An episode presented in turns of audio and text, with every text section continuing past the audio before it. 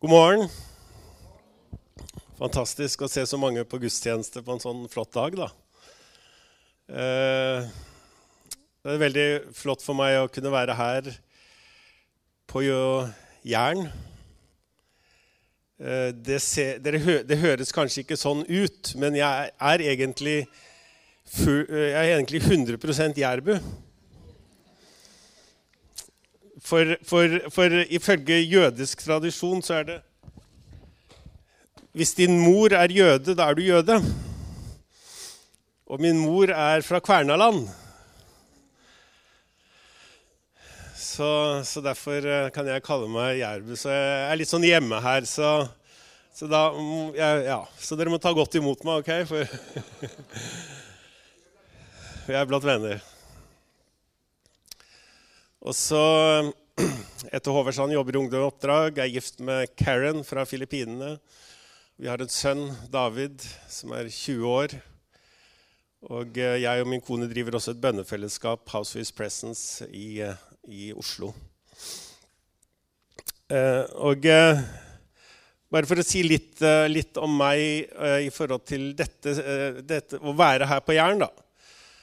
For jeg bor hos Astrid og Perlotto Otto Nærbø, som sitter der. Og eh, når jeg er hjemme hos de, og så ser jeg ned Det er så fantastisk, De bor oppe på Liefjellet. Det er så fantastisk utsikt, og da ser jeg ned på Frøylandsvannet. Og da ser jeg ned på der mitt liv startet. For eh, min morfar, Gustav han var enkemann på, med, på gården på Kvernaland med åtte barn. Og mormor eh, hun var tjenestepike der. Og så ønsket vel mor, morfar at hun skulle bli noe mer, men det ble litt for mye for henne. Så før uh, jul i 1926 så pakket hun sakene sine og dro hjem offisielt for å tenke seg om, men egentlig så var det vel hennes farvel til gården på Kvernaland. Og Så kommer det julaften, og så er det to av sønnene til morfar pluss en nabogutt som drar til Bryne, ja, Bryne for å kjøpe julegaver. Og så på veien hjem går de over Frøylandsvannet, som er islagt, men så går de gjennom, og så drukner de. Så ringer morfar til mormor, og så sier han 'kan du komme'? Og hva skulle hun si? Hun hadde vel egentlig ikke noe valg. Så har vi et sånn kort hvor det står 'Hent meg på' Som hun sendte da. 'Hent meg på Gandal nyttårsaften'. Og det kortet er på en måte beviset på vår eksistens. For hun kom, og så ble hun. Og så giftet de seg julaften 1927. Og det var når jeg leste det første gang, at jeg plutselig så min historie i deres. For ikke bare var det at de to guttenes død var blitt liv for meg, men jeg var også blitt enkemann første juledag på Filippinene, hvor jeg jobbet som misjonær for Ungdom i oppdrag. Under veldig smertefulle omstendigheter. Da David var to år gammel. Og så traff jeg Karen noen år etterpå. Og så bestemte vi oss for å gifte oss tredje juledag for å gjenopprette det som hadde skjedd. Så plutselig så jeg min historie i mine forfedres historie. Så var det som om vi var bærere av en historie. Da det skjedde, så så det bare mørkt ut, men så snudde Gud det til noe godt, til noe nytt og til liv. Og så var det som vi var bærere av en historie om ja, tap og død, men også om gjenopprettelse og nytt liv. Og det jeg har skrevet en bok som heter 'Drømmen om Norge'. og Det interessante var at der, rett etter at jeg hadde blitt ledet inn i litt av, og lært å kjenne min egen historie mer, så var det som Gud tok meg på en reise inn i å kjenne vårt lands historie. Og det begynte med at der, eh, jeg, i, for, i, i, forbindelse med grunnlovsjubileum Vi var et stort felleskristen grunnlovsjubileum på, på, på, på Hedmarktoppen i 2014 i forbindelse med 200-årsjubileet for Grunnloven. Og så ble jeg spurt om å gjøre noe kreativt i forhold til eh, dette. Sammen med Elisabeth Muren, filmskaper, og, og Åsne Valla Nordli, kona til Andreas. som vi hørte om her. Og så hadde Elisabeth båret på en setning 'En mann forandret Norge'. Så hadde hun vært i Roma, og så hadde hun fått den setningen igjen. Og så hadde hun følt Gud tale til henne. Oppsøk en kirke. Hvor mange kirker er det ikke i Rom? Så hun eh, tok en taxi inntil hun ikke hadde mer penger igjen. Og så begynte hun å gå. Og til, slutt sto hun foran en kirke, og så følte hun her er det. Så gikk hun inn. Så var det sånne altertavler. Så foran et av de sto det et lys og blafret. Og så gikk hun over. Så var det et maleri og så under maleriet sto det 'Norvegia Rex, kongen av Norge'. Så var det Olav den hellige, og så lå det et skriv som fortalte historien om Olav. Så leste hun denne setningen og hadde båret på et års tid. Én mann forandret Norge. Det er sikkert mange forskjellige meninger om Olav den hellige, men én ting er sikkert, eh, som historiker Karsten Alnes sier, det er bare om to personer man kan si at de forandret norgeshistorien. Og det er Olav den hellige og Hans Nilsen Hauge så tok jeg hennes opplevelse og lagde et sangspill om norgeshistorien. Hvor vi fortalte historien, og så bandt det sammen med vår folkesangtradisjon. Så ble det min jobb å skrive historielinjen. Og sånn begynte jeg. Og da måtte jo jeg lese litt om historien vår. Så det hele begynte egentlig med denne profetiske opplevelsen, eller hva du vil kalle det. Så det var invitasjonen inn. Og så skrev jeg det, og så hadde, fremførte vi det og fikk en enorm respons. Og så i etterkant så oppdaget jeg at jeg hadde skrevet historielinjen til Guds signe vårt dyre fedreland. For den forteller jo også historien vår. Vi tenker ikke over det når vi synger den. Men den forteller historien sett gjennom troens øyne. At Gud har vært med oss gjennom historien. Og så følte jeg vi skulle gjøre det igjen. Og så Neste uke fikk vi en telefon fra Oase om vi ville komme og ha det på Sommeroase i 2014. Så hadde vi det der. Og så da På lørdag kvelden og så dagen etter kommer Astrid og Paulotto, som sitter der. og Det var sånn jeg ble kjent med de. Bort til meg og Arild Stav, som var musikalsk leder, en av Norges beste musikere. Og så deler hun en visjon hun har båret på en stund, om å ha en konsert i Nidarosdomen hvor den norske tonen som har lydd altså Tanken var alt har en klang, også nasjonene. Og hva med å ha en konsert i Nidarosdomen, Norges nasjonalhelligdom, hvor vi takker Gud for 1000 år med de sangene og salmene, et utvalg av de som har steget til himmelen. Og så begynte vi på en reise eh, med det som ble kalt himmelske toner gjennom 1000 år. Og den har vi vært på til i år. Og nå 24. juni så skjer det i Nidarosdomen. Så dere er alle hjertelig velkommen hvis dere har mulighet. Det ligger en flyer der ute. Og hele dette her ble Det skjedde så mye underveis, og det ble til denne boka 'Drømmen om Norge'.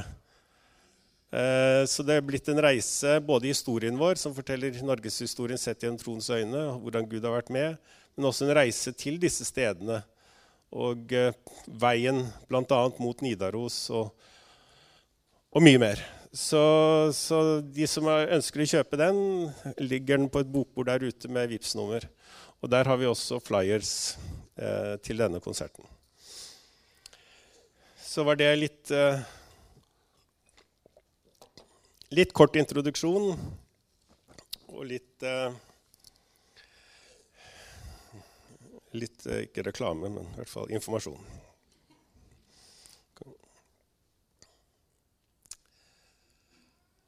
Ja, det er eh, veldig spennende for meg også å komme og dele fra Johannes 17. Det siste året har jeg reist rundt og fortalt om Norge og norgeshistorien. Og, og har på en måte ikke følt at jeg har hatt noe særlig budskap jeg har fått fra Gud ut fra Guds ord. Da. Jeg har følt at jeg har fått budskap fra Gud om nasjonen vår og disse tingene, og løftet fram det. Men det, i det siste er det bare ett budskap jeg føler jeg har fått ut fra Guds ord, og det er fra Johannes 17. Så Derfor er det spesielt å kunne være her og den konteksten som Magnar delte. og og Jeg har vært opptatt av Johannes 17 tidligere også, men det var akkurat som jeg fikk noe nytt nå for ikke så lenge siden. Og selv nå, noe av det jeg deler i dag, er også helt som jeg ikke har delt før. Så Herre, vi takker deg for uh, at vi kan komme sammen og, og høre fra ditt ord. og, og Hjelp oss å åpne våre hjerter, Herre, til, til skjønnheten av hvem du er. og skjønnheten av ditt ord, og hvordan ditt ord kan komme og berøre våre hjerter, Herre, og forandre oss og forvandle oss. Vi ber at du hjelper oss til å åpne våre hjerter og ta imot skjønnheten i ditt ord, Herre, og la den forvandle oss, Herre, til å bli mer lik deg. og og berør berøre oss og hjelp meg å formidle på en sånn måte at det blir klart og tydelig. I Jesu navn. Amen. Eh, Johannes 17 har egentlig vært lenge et, et, av mine favorittkapitler i Bibelen. Og hvorfor, hvorfor er eh, Johannes 17 så viktig? For det er flere grunner. For det første så er det Dette er Jesus som ber rett før han skal dø. ikke sant? Han, når du ligger for døden eller er, vet du skal dø, så ønsker du å uttrykke det som er veldig nært ditt hjerte. Altså det viktigste. Da er liksom alt uvesentlig borte. Da er det bare det viktigste som teller. Selvfølgelig var alt Jesus sa, viktig, men, men, men det var liksom dette her Dette er like før han dør. Og så er det også hans lengste bønn. Ikke sant? Det er den lengste bønnen han ber. Og så er det noe som er spesielt med bønn. Når du hører noen ber, så hører du hjertet deres, ikke sant? Det er som om de åpner hjertet sitt. Så tenk på det. Johannes 17 er før, like før Jesus skal dø. Og han åpner hjertet sitt for oss. Og liksom Dette er det som er viktig for meg. Tenk, er ikke det et utrolig privilegium? At vi kan på en måte få et åpen dør inn til Jesu hjerte, hans dypeste tanker og lengsler, som ligger der like før han skal dø. For seg selv og for oss. Og Vanligvis så snakker vi om Johannes 17 som enhetens kapittel, og det er det. Men, men for meg så er det liksom blitt et annet ting som er blitt hovedfokus. Og det er Guds herlighet. For hva er det, hvordan begynner han bønnen? Far, timen er kommet. Herliggjør din sønn, så sønnen kan herliggjøre deg. Og så i vers 5 blir det enda klarere. Far, gi meg nå din herlighet, den herligheten som jeg hadde hos deg før verden ble til. Kan du høre Jesu lengsel her? Han som var i herlighet. Og som, gav av, som Filipperne 2 sier, hvordan han ga avkall på denne herligheten og tok på en tjenerskikkelse for å komme ned til oss. Og Nå har han vært her, og han er i ferd med å fullføre sin oppgave. og nå er det som han nesten ikke klarer å vente. Han lengter å komme tilbake til denne herligheten som han var i fra før tidenes morgen.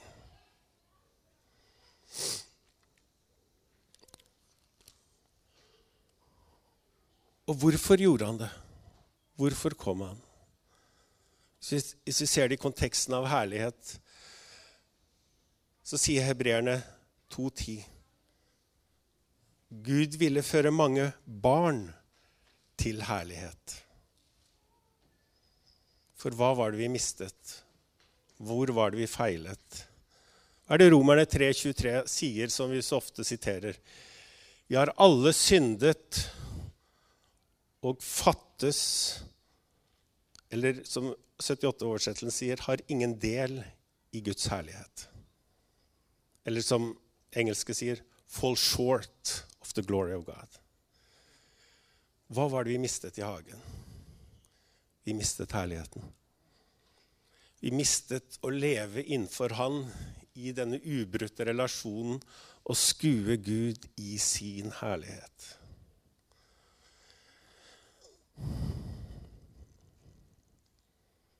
Vi falt og hadde ikke lenger del i den.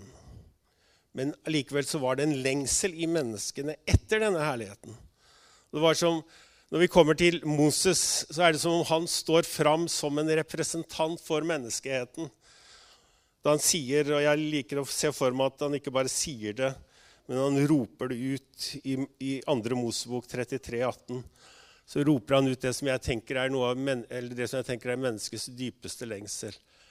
La, la meg se din herlighet. Det er sånn han står som en representant for menneskeheten og roper det ut. Det vi mistet. La meg se din herlighet.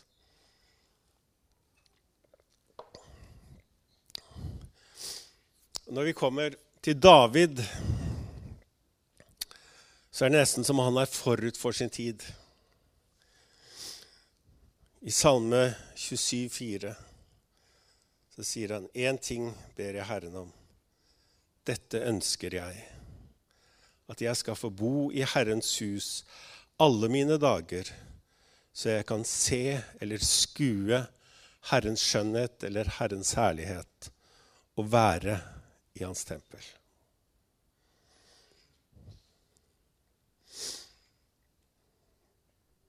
Det er som om David er forut for sin tid. For Hvis vi går videre i Johannes 17, så for meg er det som om Johannes 17 kulminerer i vers 24, hvor Jesus ber Far, du har gitt meg dem, og jeg vil Eller på engelsk sier det, eh, engelske King James-oversettelsen sier Father, I desire. Far, jeg lengter inderlig. Hva er det han lengter inderlig etter? At de skal være der jeg er, så de kan se min herlighet. Det er lengsten. Og det var det David ba. Davids bønn i Salme 24, 7 er et svar på Jesu bønn i Johannes 17, 24. Den herligheten vi mistet i hagen, den vi lengtet etter, den ber han om at vi må oppleve å være der og erfare.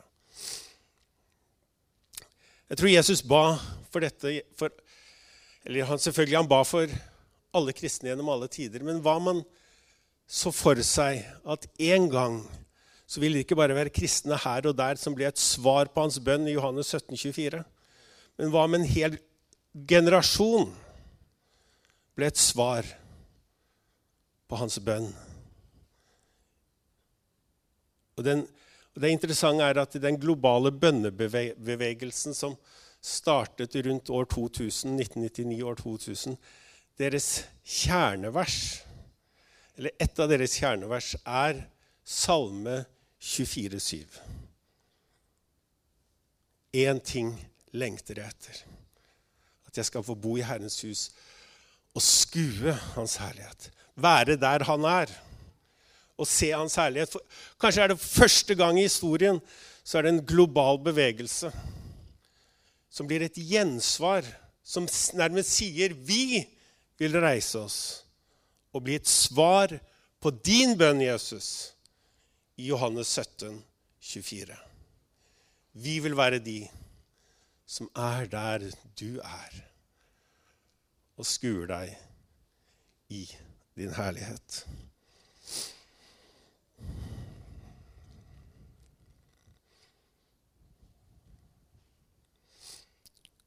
Og det er denne herligheten som vil gjøre oss ett.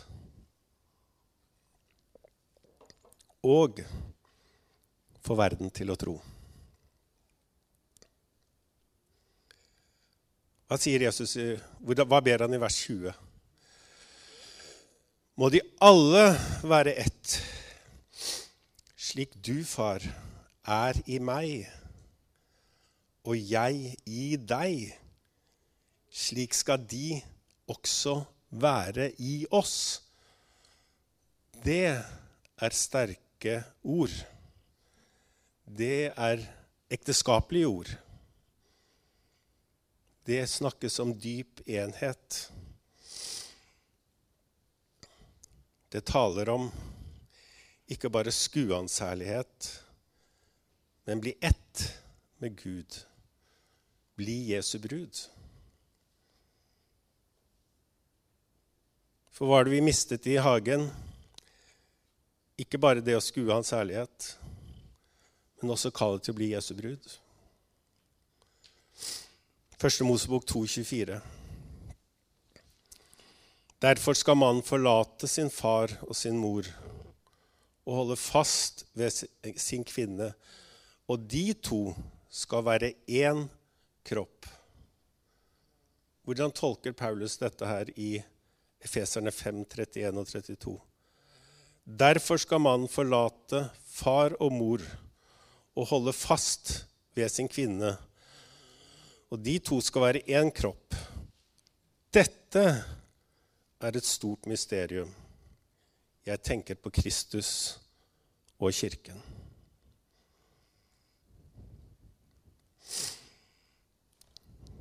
Det Paulus sier her, er at det store mysteriet det er hvordan menigheten, hvordan du og jeg skal forenes med Gud. Bli ett.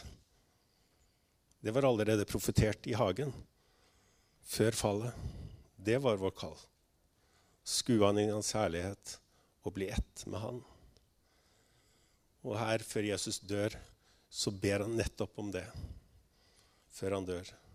At de må være ett. Slik du er i meg og jeg i deg, må de være i oss.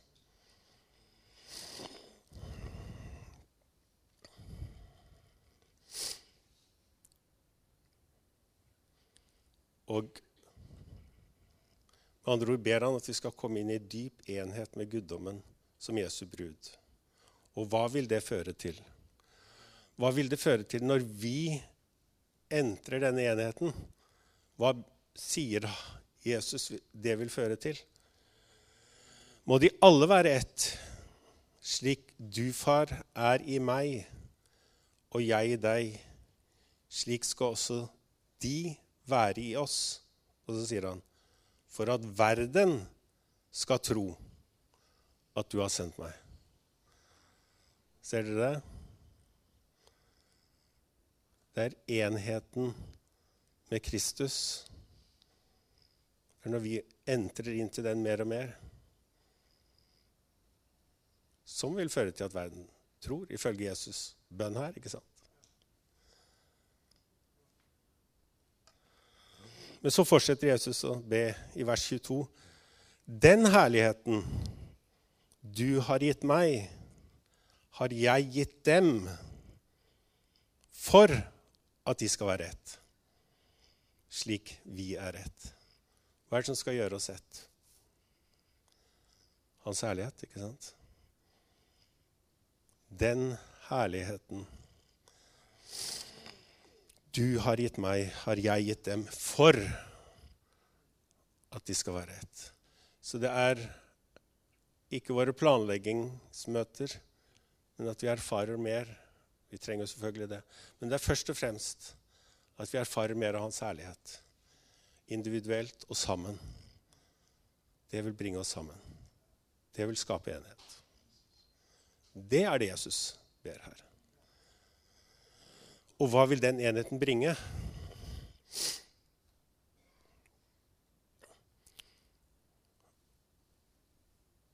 neste vers Jeg i dem og du i meg, så de helt og fullt kan være ett. Da skal verden skjønne at du har sendt meg. Så vår enhet Først så er det vår enhet med Faderen og Sønnen. Når vi entrer inn i det mer og mer, så vil det føre til tro. Og så er det at Hans herlighet blir utgitt over oss, som vil føre til enhet mellom oss. Og så vil det igjen føre til at verden tror.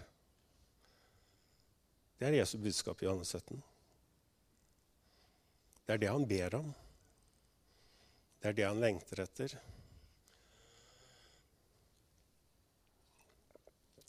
Men da starter det jo med at vi ønsker å bli et gjensvar på hans bønn i vers 24. Å være der han er. For å skue hans herlighet. Ikke sant? Hvordan gjør vi det? Hvordan skuer vi hans herlighet? Det er jo Og hva er Guds herlighet? Det er jo en tale i seg selv. Så dette blir bare en sånn introduksjon, ikke sant? Og så er det noe med det at vi trenger jo ikke si alt alltid, for, for da det er jo, Min jobb er jo bare å vekke deres hunger. Sånn at dere går hjem og sier ok, hva er dette med Guds herlighet? Hvis det er så viktig, hvis Jesus ba om det, så må jeg jo finne ut av det. Gå i dybden på det.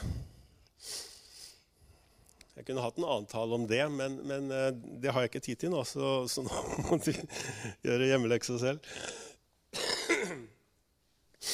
Men eh, Paulus sier det på denne måten. Og vi som uten slør for ansiktet ser Herrens herlighet som i et speil, vi blir alle forvandlet til dette bildet, fra herlighet til herlighet. Og dette skjer ved Herrens ånd. Andre kor 318. Så Paulus snakker her om noe av nøkkelen. Han snakker om å skue Herrens herlighet. Han snakker om å bli en respons på Jesu-bønnen i 1724. Og det vil forvandle oss fra herlighet til herlighet. Så er det et, så det kan man jo si mye om det verset der. Uh, så det, men så er det et annet vers Matte, som Jesus sier i Matteus 6, uh, 22-23, som er litt merkelig, men som jeg føler er viktig i denne konteksten. Han sier at øyet er kroppens lampe. Om øyet ditt er klart, er det fordi kroppen din er fylt av lys. Men om øyet ditt er syk, er det fordi kroppen din er fylt av mørke. Er når lyset i deg mørke, hvor dypt blir ikke da mørket? Øyet i seg selv er nøytralt. Men Jesus snakker om her det øyet fokuserer på. Det bestemmer om vi blir fylt av mørke eller lys. Og jeg vet ikke om du har tenkt på det, men vi lever i verdens første 24-7-generasjon. Det vil si at for første gang i verdenshistorien så er alt tilgjengelig 24-7. Både å kjøpe ting og gjøre ting men også å bli fylt av ting fra en skjerm.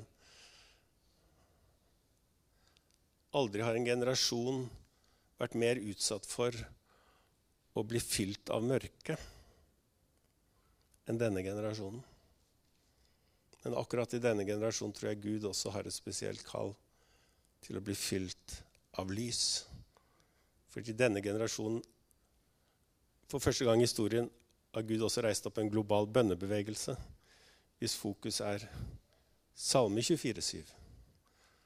Å skue Herren i Hans herlighet og bli fylt av Hans lys og bli et svar på Johannes 17, 24.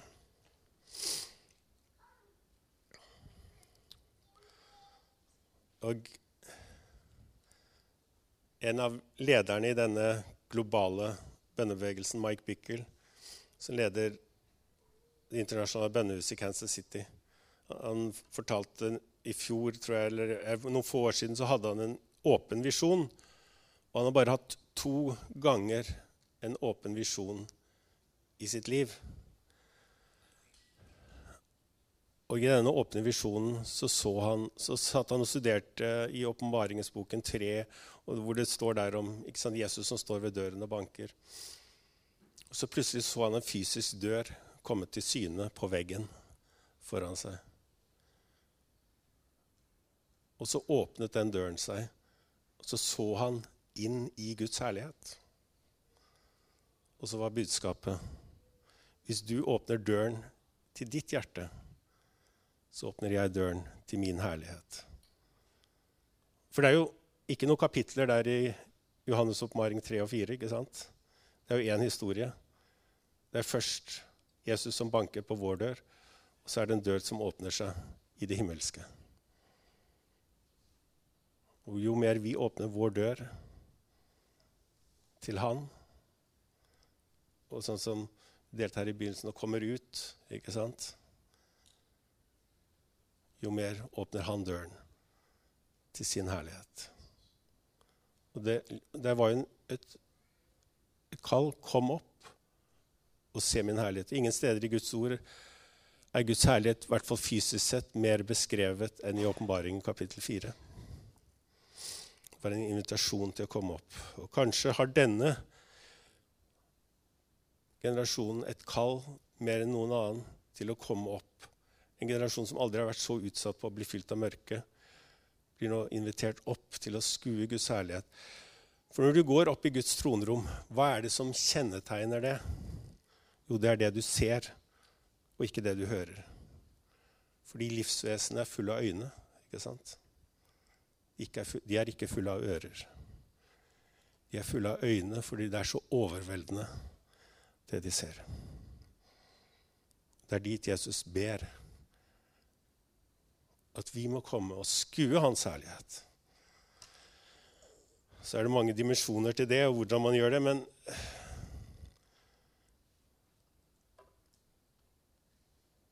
Så er det også en dimensjon Hva er konteksten av Salme 24, 7? Verset før sier det om en hær vil beleire meg, er mitt hjerte uten frykt. Om krig, krigen truer, er jeg likevel trygg. Det er verset før Salme 24, 7. Det er som om, om David er under angrep. Og når vi er under angrep, ikke fysisk nødvendigvis, men i vårt sinn ikke sant? En krig med negative tanker. En krig med negative tanker om Gud, om negative tanker om meg selv, om negative tanker om Guds planer og hensikter for, for mitt liv. Hva var Davids svar? Hvordan bekjempet han det? Én ting å skue Herrens herlighet.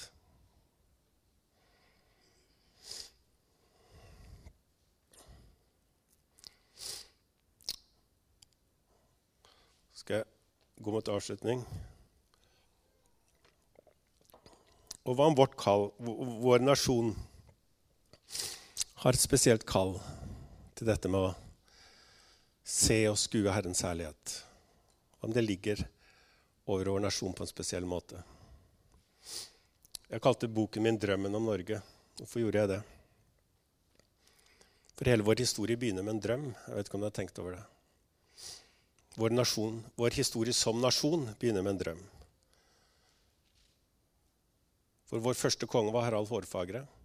Så nasjonens historie begynner jo med vår første konge. Det var jo her i området hvor det startet. Han samlet, begynte å samle Norge. Og han hadde en mor. Hun heter Ragnhild. Hun kan stå som nasjonens mor. Og det står om henne, skriver Snorre i begynnelsen av vår historie, at hun hadde store drømmer. Og En av de drømmene er skrevet ned. Vi vet ikke hvordan hennes åndelige liv var, men til og med Nebukadnesar og farao hadde jo drømmer fra Gud. Hun drømte at hun sto ute i hagen og hadde en tegn i hånden som ble til et stort tre. Som var rød i roten, grønn i stammen. Og så var tre, eh, grenene hvite. Nå har dere tre der, da. Eh, som dekket hele Norge og utover Norge. Og så tenkte jeg, Hva om det er en profetisk drøm for vår nasjon? Hun drømte den på begynnelsen av vikingtiden. da Det, sto, det står at roten var rød som blod, da vi reiste ut og drepte. Men så skulle det bli grønt, og så skulle vi dekke seg hvitt. Jesus ble kalt Kvitekrist. Og han var profetisk om Kvitekrist komme. Hvordan han ville dekke nasjonen med hvitt. Og pga. det skulle det bli grønt og frodig. Om det er historien om vår nasjon. Og hva om vi ikke blir kristna med sverd, som er den moderne historien? For eh, Fedrelandssalmen andre vers sier jo det vårt heimland i mørkere lenge låg, og vankunna ljoset gjømde, men Gud, du i nåde til oss såg. Din kjærleik oss ikke gløymde. Du sendte ditt ord til Norges fjell, og hva står det? Og ljos over landets strømde. Hvis vi blir kristna med sverd, så kan vi jo ikke synge det. Men hva om Elias Blix hadde rett, som skrev det? Hva om det var Guds initiativ? Slik at lys, Guds herlighet over landets strømde. Og hvordan begynte det? Kanskje begynte det på Selja, den lille øya på Vestlandet. Hvor vi har feiret messe om de hellige på Selja, vår eldste messedag. Noen kom dit og begynte å be. Antageligvis kom de fra Irland. Hva, hva ba de? Kanskje ba de 'deg og få skåda', som er en irsk tekst fra 700-tallet. Hva er det den sier? 'Deg og få skåda' er sæla å nå, eller er herligheten for meg. Gud, vær det syn som mitt hjerte vil se. Hva om de knelte ned på Seljas strender? Så ba de at dette vikingfolket skulle kjennetegnes og bli et folk som søkte Guds herlighet, og som hadde hans ansikt, at det å skue hans herlighet. Om det var de bønnene som brøt mørket over vårt land, slik at ljos over landet strømde. Og når Olav den hellige innstiftet kristenretten på Moster 1024, som vi skal feire tusenårsjubileum for neste år, så begynte han på denne måten. Det første i vår lov er at vi skal vende oss mot øst og be til den hellige Krist. Hvorfor skulle de vende seg mot øst? Det var en tradisjon fra de første kristne som vendte seg eller bøyde seg mot øst i forventning av Jesu andre komme. Ut fra ordene i Matteus 24, slik som lyset går ut fra øst og går like til vest. Slik skal det være med mitt komme. Vårt første lovverk begynte med en bønn om forventning om lysets komme til vår nasjon. Så fortsetter jo Gud signe vårt dyre fedreland å fortelle historien vår. Så sier den, men atter seig natt på landet ned, med trelde mot tunge tider. Det var når vi, Etter middelalderen, når vi hadde vært et rike og hadde blitt en kristen nasjon, så ble vi ikke et rike lenger. og Vi kom under Danmark, så står det at folket sukka etter ljos. Så står det, men du ljoste opp om sider. Ser dere hvordan budskapet om lys går gjennom fedrelandssalmen? så står, er det neste verset Og morgenen rann, og mørket kvarv. Det er en dag i vår historie hvor selv mørket skalv. Hvilken dag var det? Det var en vårdag i 1796 hvor en ung gutt gikk ute på et jorde i Østfold. Så sang han sangen 'Jesus, din søte forening og smake'. Hva var det den handlet om? Enhet med Jesus, ikke sant? smake og se din herlighet. Så sier han etterpå Så opplever han Guds herlighet. Kom over seg, så sier han etterpå. Det var en herlighet som ingen tunge kan bekjenne. Og så forandret det vår nasjon. Det som forandret vår nasjon, var lengselen etter enhet med Jesus og en erfaring av Guds herlighet. Det Jesus ber om i Johannes 17. Det har blitt den største forvandlingen i vår nasjon. Så det budskapet er vevd inn i vår historie. Inn i selve ryggmargen. Så står det i første verset på Dega for Skåda på slutten der Vær du for tanken min dyreste skatt, ljoset som stråler ved dag og ved natt. Og det står det i Salme 19 at himmelen proklamerer Guds herlighet. Himmelen selv proklamerer noe av Guds herlighet. Hva er det himmelen over Norge proklamerer? Hva er det vi er kjent for internasjonalt? Vi er kjent for the land of the midnight sun. Midnattssolens. Vi er midnattssolens land.